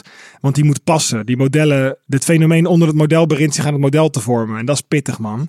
En daar heb ik wel in de algemene zin mijn vraagtekens bij. Ik ben in ieder geval mezelf aan het uitdagen om te denken van... oké, je bent van jongs af aan super enthousiast over deze technologie. Ik heb echt ook altijd geloofd in een soort van...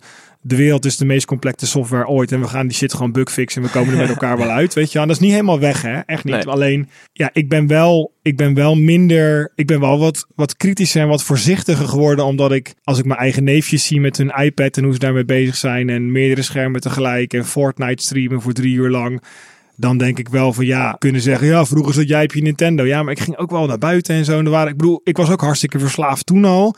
Maar dit is wel zo'n veel brutere drug op zoveel meer manieren en zo 60 euro bij de kijkshop, zeg maar. Het Ja. is echt goedkoper geworden, sneller, beter, heftiger. Er zit meer THC in de wiet dan er ooit ingezeten En het maar. stopt nooit. Als je YouTube kijkt, het stopt nooit. Vroeger je spelletje, dat had je uit. Dan had je een level en dan moest je aan een nieuw level Ja. beginnen. Maar YouTube, of wat voor andere game dan ook, het gaat maar door en door. Dat algoritme blijft jou gewoon Het is die attention, als je maar blijft. Je moet blijven. Ja. En dat is natuurlijk. Kijk, terwijl aan de andere kant kom je op YouTube. En het feit dat YouTube bestaat dankzij al die advertentieinkomsten zorgt ervoor dat een of andere Apple in Zweden en je Nintendo uit elkaar kan slopen. En een kanaal heeft met drie kijkers, waarvan twee keer wietsen, want die heeft twee browsers, zeg maar. Weet je, is fantastisch. Dus allemaal bij de gratie van. Weet je, over snelwegen Ja. kunnen tanks en ambulances rijden. Weet je wel? Dus de infrastructuur is in dat opzicht soort van semi-neutraal. Eh, alleen, oh man, ik denk wel dat we, dat we, dat er met, nou, nogmaals, bijvoorbeeld, als je, als je in een gekkenhuis woont, zeg maar Truman Show-like, zou je het dan nog weten? Weten we het eigenlijk allemaal wel? Want als we allemaal met elkaar zitten te praten, terwijl we allemaal vier, vijf uur per dag 200 keer onze telefoon pakken, dan zegt iedereen, gaat toch hartstikke goed? Ja, nee man, Ja, we zijn nee. allemaal daarin, we roken allemaal. Ja. De sociale norm begint wel een beetje te shiften, denk ik. Ik denk ook zeker door die, eh, doordat er veel over bericht wordt in de media, maar ook ehm, doordat mensen elkaar er bewust van maken. Ik had laatst een etentje met vrienden en ik zei, gasten, allemaal telefoon op tafel, omkeren, Ja, uitzetten. Even die en, eh, eh, stapeltje maken. Ja, stapeltje maken. En Degene die hem eerst pakt betaalt. ja, die het Ja. eerst pakt, die geeft een rondje of wat dan ook. En twee jaar terug kreeg ik echt van bepa- bepaalde mensen een middelvinger. Weet je wel, van helemaal een leuke Ah, idee, gaan we misschien doen? meer over je vriendengroep dan. Maar nu iedereen, Nee, oh ja, precies. nee, ja, oké, Ja. we, we conformen wel, nou, is goed. En eh, ook de mensen die niet zo diep in de tekst zitten, beginnen dat dus al voor te stellen. Dat zijn misschien kleine stappen van bewustwording. Ja, en ik denk ook daarom, ik, eh, nogmaals, voor de mensen die luisteren en denken, echt dude, hier was ik zes jaar geleden al mee bezig, of ik woon al heel mijn leven in de commune, waar heb je het over? dit is hartstikke, dat weet ik. Er zijn echt heel veel mensen mee bezig en ook vrienden van mij die bijvoorbeeld nooit dit echt hebben geadopteerd. Die ook gewoon nooit WhatsApp hebben genomen. Want ze zeiden, ik begin er niet eens aan. Want dit gaat gewoon... Dus die waren al heel vroeg van, nee, dit is een interactie in een vorm van met elkaar omgaan. Die dik ik helemaal niet. En ik hou niet van thuisbezorgd. Want dat is gewoon, ik weet niet hoe, ik, ik weet helemaal niet meer hoe ik moet koken. Ik vind het raar om het allemaal te blackboxen. Want wat kan ik dan nog als mens, weet je? Ik word een soort Ja. hele dunne, een hele dunne mens die niks meer kan, want alles wordt geoutsourced. Ja, en hele dunne mensen of een superspecialist. Ja, nee, maar dat, kan dat is- ook. Oh, je hebt tijd om expert te zijn. Dus Ja. dat is ook mooi. En ehm, al- alleen uiteindelijk eh, denk ik dat het... Het is best wel een groot sociaal experiment. Wat, wat Ja. eigenlijk de maatschappij altijd al is geweest. Want we hebben allemaal revoluties en dingen meegemaakt. Alleen, ja, ik denk dat het wel... Misschien is dat een beetje... Ik heb ook daarom die linkjes eh, meegenomen. Ik vind het altijd wel gaaf om mezelf uit te dagen van... eh, nou, het is een beetje als stel dat je heel erg eh, gelovig bent om toch dat boek van Richard Dawkins er eens bij te pakken met The God Delusion. Misschien kom je er wel zelfs wel sterker uit aan het einde. Weet Ja. je wel? Omdat je denkt van Ja. nou, nu heb ik laten aanvallen en nog steeds. In mijn geval niet, maar stel, weet je wel. Ja. En nu heb ik zoiets van, eh, pak die spiegel eens, kijk eens wat je eigenlijk aan het doen bent. En, en dat schermpje van screentime openen is al stap 1. Want dan zie je jezelf gekwantificeerd in grafieken. Maar het is wel wat van, oh, blijkbaar pak ik in mijn geval mijn telefoon 280 keer per dag op. Ik ben gewoon, ja, wil Ja. ik dat? Maar we hebben nu, we hebben nu dus eigenlijk geconstateerd dat, eh, ja, er is een, een probleem of er is iets gaande. Er is iets gaande, laat ik het zo zeggen. Ja, dat is mooi Er is iets ja. gaande. er gebeurt iets. Er komt een, een, een moment van, of er lijkt een moment van reflectie te ontstaan. In ieder geval bij ons aan tafel. Maar eh, dat lijkt ook breder in de markt door het, eh, eh, de, de features als eh, schermtijd en, en eh, Google's equivalent. Als je nou kijkt naar de toekomst, denk je dat er een, hè, als we kijken naar de geschiedenis, dan zie je altijd dat eh, een, een eh, heet het, wordt altijd met een, beweging vooruit waar altijd een tekenbeweging ontstaat er. Eh, gaat er in de toekomst een tekenbeweging ontstaan? Gaan we echt radicaal weer anders met onze elektronica om over tien jaar? Nou, ik, ik, de, ehm, ik heb dus het idee dat, dat ehm, die eerste vlagen van neoludisme die er al zijn geweest, in, ah, soms in extreme vorm, als om zo'n Unabomber-achtige figuur gaat. Want nogmaals, ik zeg dat er even bij, omdat als je neoludisme inzoekt, en dat is ook helemaal niet iets wat ik predik, maar als je dat, dan kom je hem al snel tegen. En misschien is het ook wel een mooie waarschuwing voor hoe het mis kan gaan als je Ja. daar echt veel te extreem... Maar Alle- buiten, buiten de extremisten, want ik bedoel, die Nee. heb je natuurlijk in elke beweging. Nee, maar ik voel, ik voel en uh, ja, daar kan ik een soort van. Ik, laat ik zo zeggen, als ik daar een voorspelling over moet doen, dit gaat een veel grotere eh, beweging worden. En, en dat opzicht ehm, is het goed dat, eh, dat, die, eh, dat Instagram, et cetera, een, die features aan het inbouwen is. Ik weet niet of het genoeg is. Nou, lukt, het, lukt het je om het te concretiseren over 5 à 10 jaar of over misschien iets langer, 10, 20, 30 jaar? Ja. jij noemt nu concrete voorbeelden als restaurants waar je je telefoon liever niet of niet mag werken binnen. Eh, weet je wel, dat jij, dat jij tegen je vrienden kan zeggen, leg ze maar op een stapeltje. Die kleine initiatieven van, ik heb liever niet dat je rookt naast mijn kinderen. Of ik wil naar een restaurant die rookvrij is. Of ik wil dat er een paal bij de NS gezet wordt en daar moet je gaan staan roken. Ja, dat gaat veel meer worden, denk ik. Ik denk dat we, dat we, dat we met elkaar... eh, dat er plekken gaan komen en ook mensen gaan komen die daar andere keuzes in gaan maken. En, eh, Telefooncoupé in de trein. nou ja, nou ja, ik, ik zou, dat is de ultieme stilte, stiltecoupé, zeg maar. Of de mensen daar allemaal moeten gaan staan bellen. En dat is in zo'n plastic rookhok. Ja, inderdaad. Ja. Nee, ik bedoel, dat zijn een beetje de voorbeelden die wij nu kunnen bedenken in onze rookmetafoor. Maar ehm, ja, ik zal niet de enige zijn die, die... Ik zie ook wel meer mensen om me heen die die software aan het installen zijn... of accounts aan het weggooien zijn... of dingen, notificaties aan het uitzetten zijn. Ehm, kijk, als we echt verder gaan kijken naar dingen als VR en AR... die natuurlijk nog een tandje heftiger zijn... als het gaat om de digitalisering van de wereld. Waar Ja. ik aan de ene kant nogmaals fucking enthousiast over ben... want wow, wow, wow, wat is het allemaal gaaf. En dat Ja. vind ik ook echt. Maar aan de andere kant denk ik van ja, het is eigenlijk gewoon... eh, nog tien keer zulke zware MDMA. Want je kan Ja, nou op je gezicht smeren, zeg maar. Het is gewoon een soort crème die je nou op je, je en dan trekt het meteen je hoofd Je kan in het en dan direct je hoofd in, eh, ja. in, in pompen. En ja, je kan echt meteen helemaal eh, los ermee gaan. Ja. En dan denk ik van ja, dat is voor mij wel een beetje een... Als ik, als ik dan in, in een soort van visie eh, stel dat ik ooit kinderen heb, boven kom, ik zie mijn kind daar met zo'n heel klein Oculus 5 skibrilletje op zitten, die niet meer tegen me praat omdat hij erin zit, dan ga ik dat ding wel gewoon doorbreken waar die bij staat. Ja, daar heb ik helemaal geen zin in. De- Denk je dat er een soort van Ready Player One-achtige... eh, heb, je- heb je Ja, boek meestal. gelezen? Ja, de- ik heb het boek gelezen, ja. een een Ready Player One-achtige ehm, eh, eh, toekomst in zit. Dat er mensen 24-7 in een digitale wereld zitten. Nou, 24-7 weet ik niet, maar ik denk dat hele idee van die metaverse, kijk, ook al uit zich nu nog in tab tabblaadjes op Reddit op een laptop waar je 6 uur, 7 uur achter zit, die Ja. is er al. Ja, precies. Het, het is Ja. nu een kwestie van rijker maken, 3D toevoegen en een brilletje erbij. Dus we willen allemaal het internet in, blijkbaar.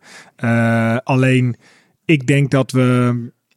Je zou, ik, wat jij zegt, hè, met het, met het, als, als het dan die golfbewegingen zijn in, in de geschiedenis van eh, radicale adoptie en enthousiasme. En dan een soort van reflectie wakker worden en holy shit, en wegduwen en dan weer adopteren, zeg maar.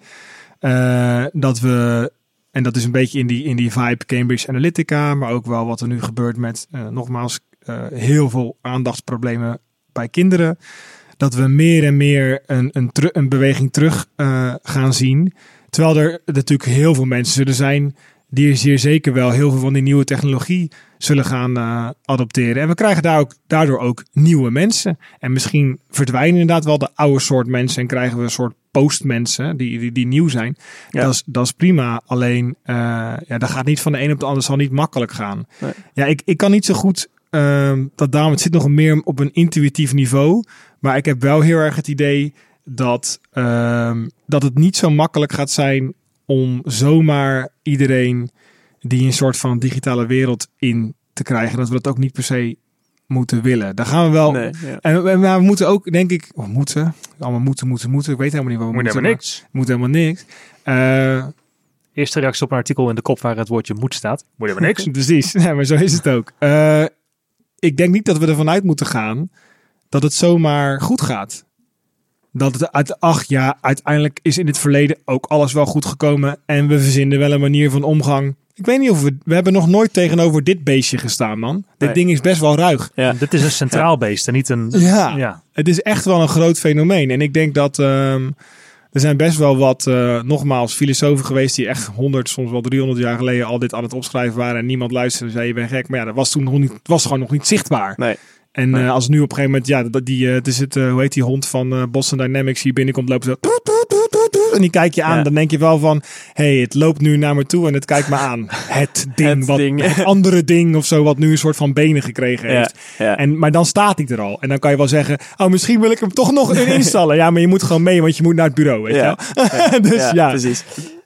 hey, ehm, je noemde ook even eh, informatie. Ja, aan het begin van je, van je vragen die je stelde, je stelde, zijn we verslaafd?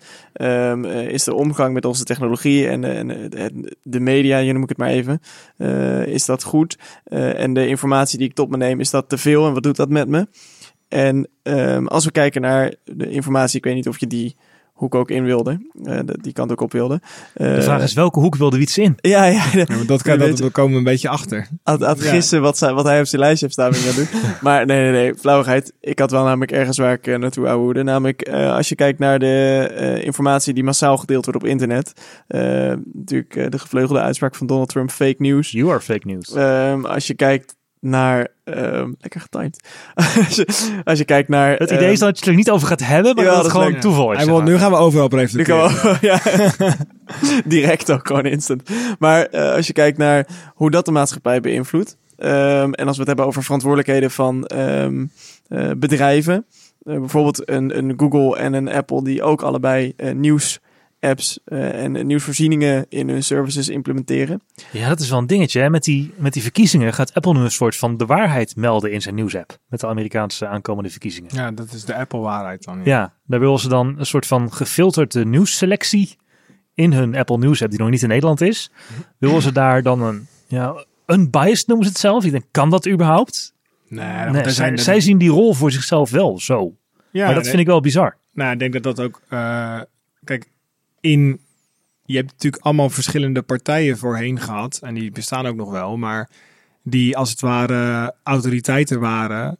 Kijk, ik, ik zie het altijd zo voor. Je hebt gewoon je hebt allemaal dingen die er gebeuren in de wereld. En een bak aan events waar je een soort van eh, verslag over kan doen. eh, met een bepaalde kleur. Want ja, we zijn allemaal, allemaal mensen, dus heel erg subjectief. Dus het heeft allemaal een bepaalde bias erin zitten, zeg maar.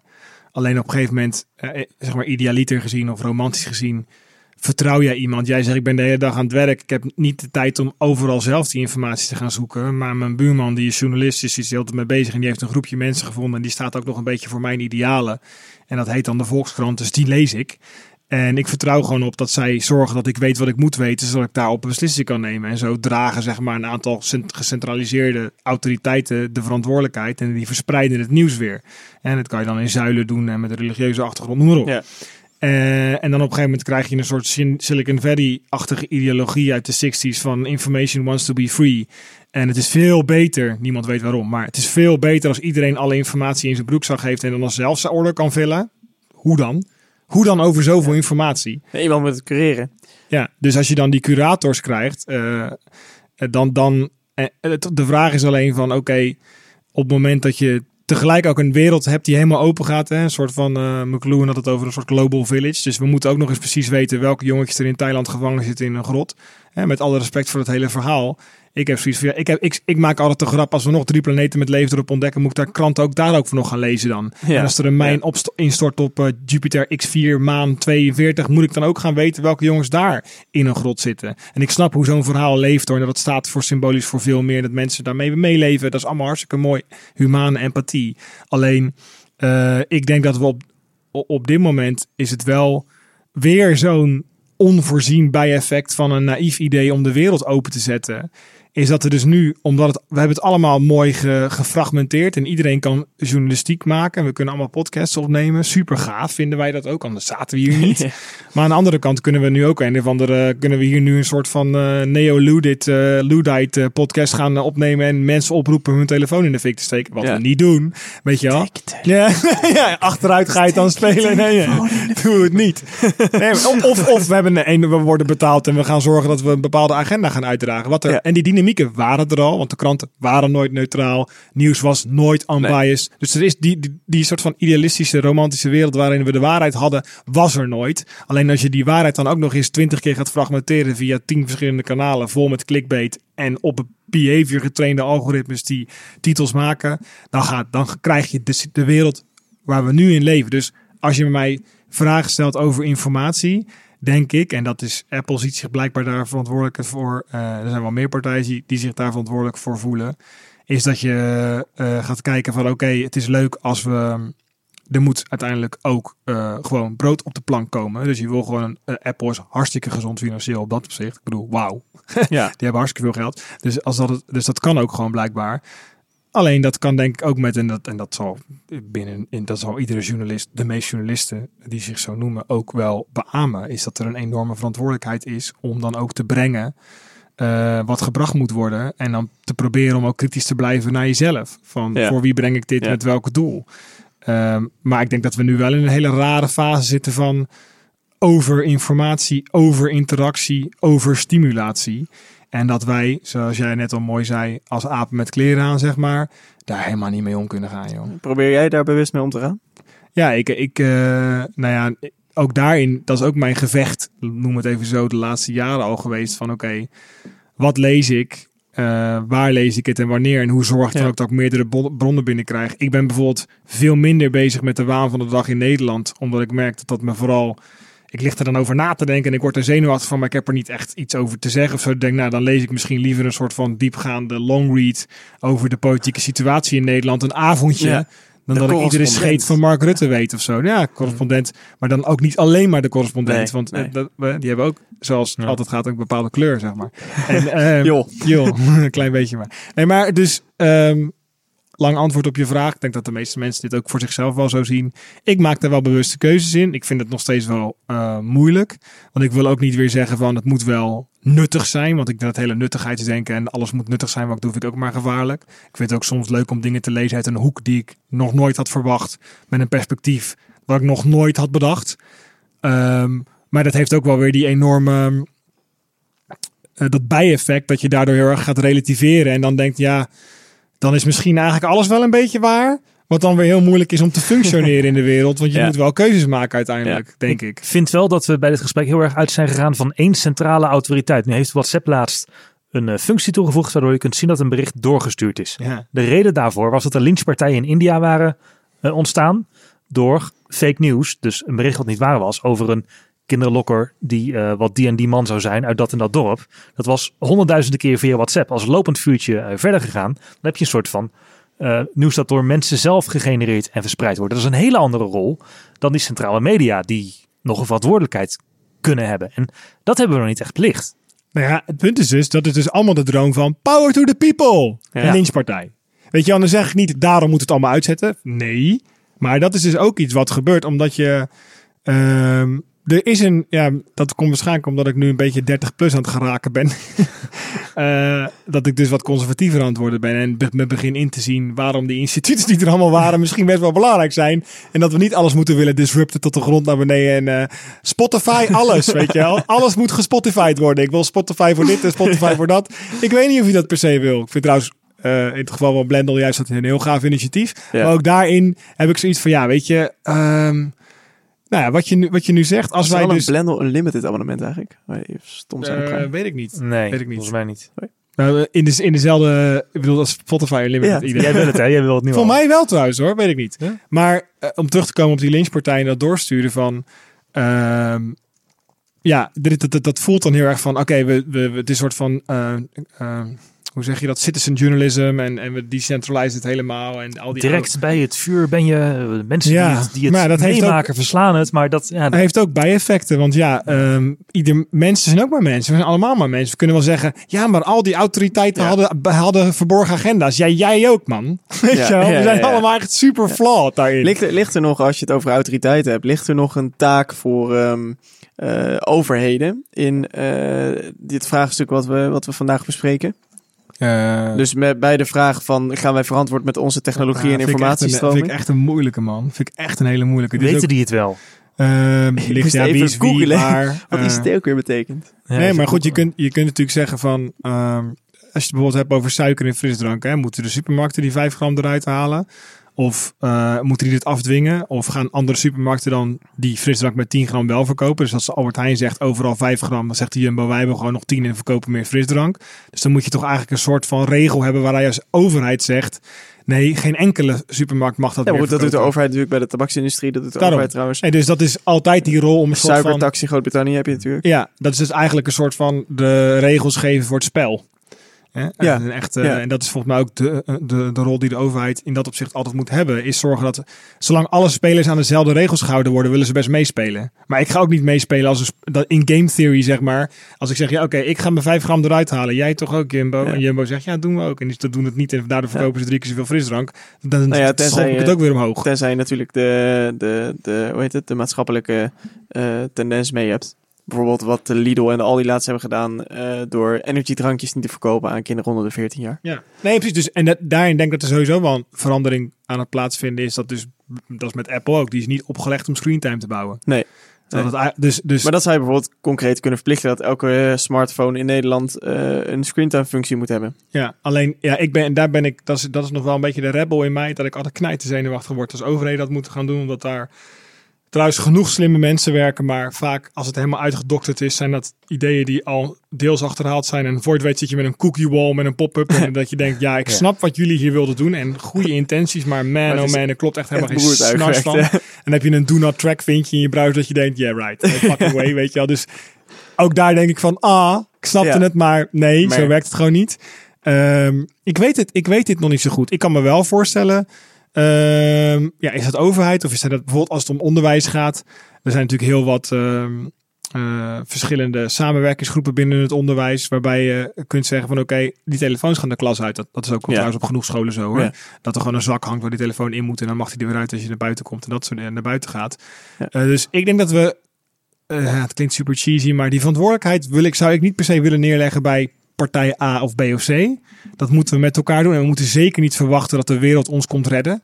Snap je wat ik bedoel? Dus ook hierin niet van ja, nou ja, ik hoop maar dat Apple snel screentime gaat inbouwen. Nee, dat komt er pas als er dus genoeg. Hè, Ja, tuurlijk. Want het blijft een commercieel bedrijf. Dus als de vraag in Ja. de markt er is, dan komt het er. Die En- druk die moet er gewoon zijn. Ja, en ik denk dat op het moment dat jij tegen, tegen de overheid gaat zeggen: bescherm mij.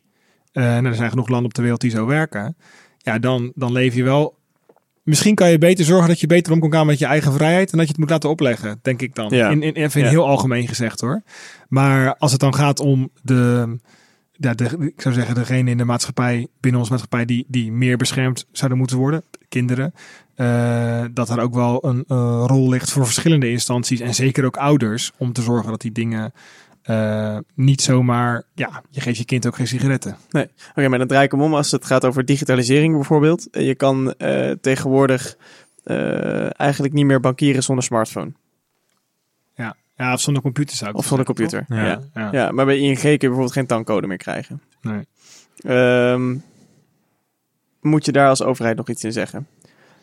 Nou, je hebt natuurlijk het hele idee van ehm, de digital divide. En dat je eigenlijk eh, de mensen die dus achterblijven in een soort analoge wereld. eh, dat je daar bruggen voor zou willen bouwen. En eh dat kan je natuurlijk doen door middel van cursussen aanbieden en dat soort zaken. Maar je kan ook zeggen, we creëren. Je kan naar de bank nog steeds. Er is nog een bankgebouw. Dat is trouwens ook nog steeds zo. Dan kan je daar je envelopje met je checkje komen Dan moet je brengen. toch eerst je AR-bril opzetten? Ja, nou, de Bunk heeft het nooit meer gebouwd, zo'n Nee, er zijn wel banken die het nog hebben. En dan eigenlijk eh, hopen dat dat die, die, die tussenfase overleeft. Maar ik vind, dat, ik vind dit nog een groter vraagstuk waar nu, oh, op een gegeven moment moeten we ook stoppen, want wordt het, maar het is wel leuker nog om vast te houden, is het hele idee, ehm, ik heb het ook wel een aantal keer eerder al over gehad in uh, Peren, is het idee van die dependencies die je inbouwt op basis van, oké, om dit te kunnen moet je dat en dat kunnen. En daarom moet je dat en dat hebben, wat weer dat en dat impliceert. En voor je het weet ben je dus die hele stapel van een soort spekkoek van eh, interdependency 30 lagen Ja, hoog. ja. Voordat je, eh, weet ik veel, eh, huursubsidie kan, aan- kan aanvragen. Weet je. Ik, heb, Ja. ik, ik help ook in mijn omgeving wel eens mensen daarmee. eh, dat we samen door brieven heen lopen en wachtwoorden invoeren en nieuwe wachtwoorden aanvragen en noem maar op. Dat ik dan ook denk van ja, goed, ik kan 20 tabs tegelijk openen op mijn computer en blind computeren, maar dat kan ook niet iedereen. Nee. Dus mijn wereld is fantastisch mooi geworden hierdoor, want ik ben nu Superman. Maar dat geldt natuurlijk niet voor iedereen. Ehm, ja, wat we daarin moeten doen. Kijk, ik zou dan misschien nog verder gaan en zeggen van... eh, laten we zorgen dat die interactie weer verminderd wordt in dat proces. En dat dingen gewoon uiteindelijk wel weer op papier bij jou thuiskomen... en mooi uitgelegd worden hoe of wat. Maar dat jij er weer minder voor hoeft te doen. Laat, dat je dat, laten we de droom van die technologie dan in dat opzicht wat meer waarmaken. Want nu zitten we ook in een soort rare tussenfase... Hè, waarin Ja. computers voorheen in ieder geval ook nog heel erg zichtbaar waren. En een iPad is dat al minder, want dat is gewoon een glasplaat met een computer erin. Ja. Die geen geluid meer maakt. En Nee. weet je, bijna geen onderhoud meer vereist. Behalve opladen en een iOS-update die trouwens vanaf 12 ook automatisch gaat. Dus die technologie wordt steeds eh m- minder zichtbaar, zeg maar. Terwijl die, die bak die ik hier nu zie staan, zeg maar, heeft waarschijnlijk nog een voeding en een ventilator. En die, ja, ik Ja. hoor hem trouwens hartstikke stil hoor. Maar ehm, dus dat de, de, het, het, het naar de achtergrond verdwijnen van technologie. Uiteindelijk zou het in mijn ogen veel magischer moeten zijn. Ik wil dat. eh, eh, ik, ik, ik heb nooit een auto gewild, weet je. Ik wilde alleen maar van A naar B.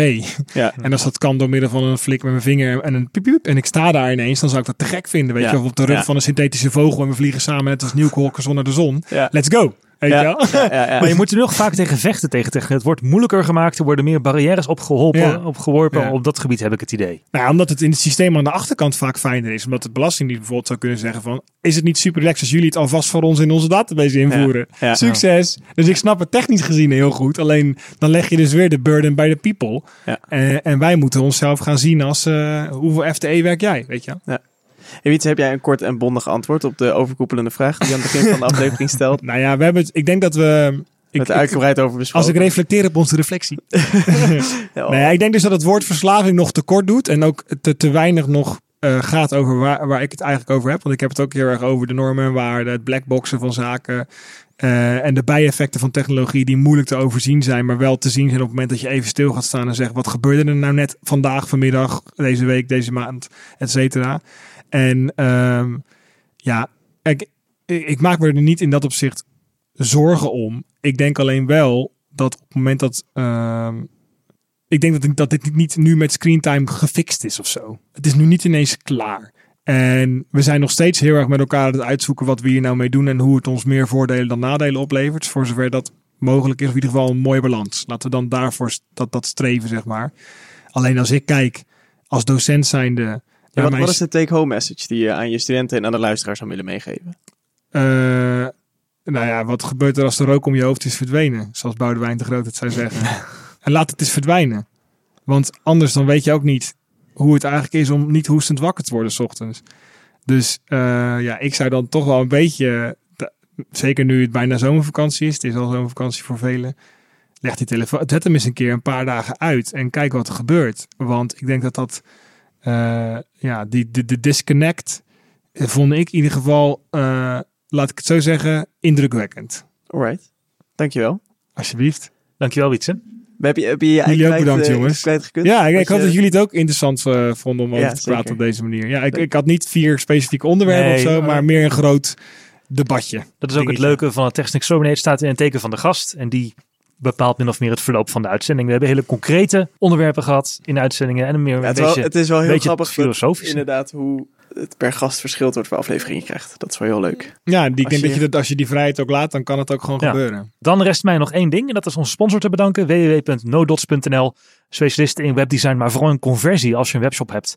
Uh, dan kunnen zij magische dingen voor je doen. In de eerste aflevering van het Technics Zomeridee kun je Marijn Kortstra, de directeur van NoDots, horen over andere conversie, uh, algoritmes en hoe hij Facebook een beetje misbruikt soms om AB-testjes te doen. Heel erg interessant. Kun je luisteren en ook checken op www.nodots.nl. Wij zijn er over twee weken weer met een nieuwe aflevering van het Technics Zomerdiner. Bedankt voor het luisteren en tot dan.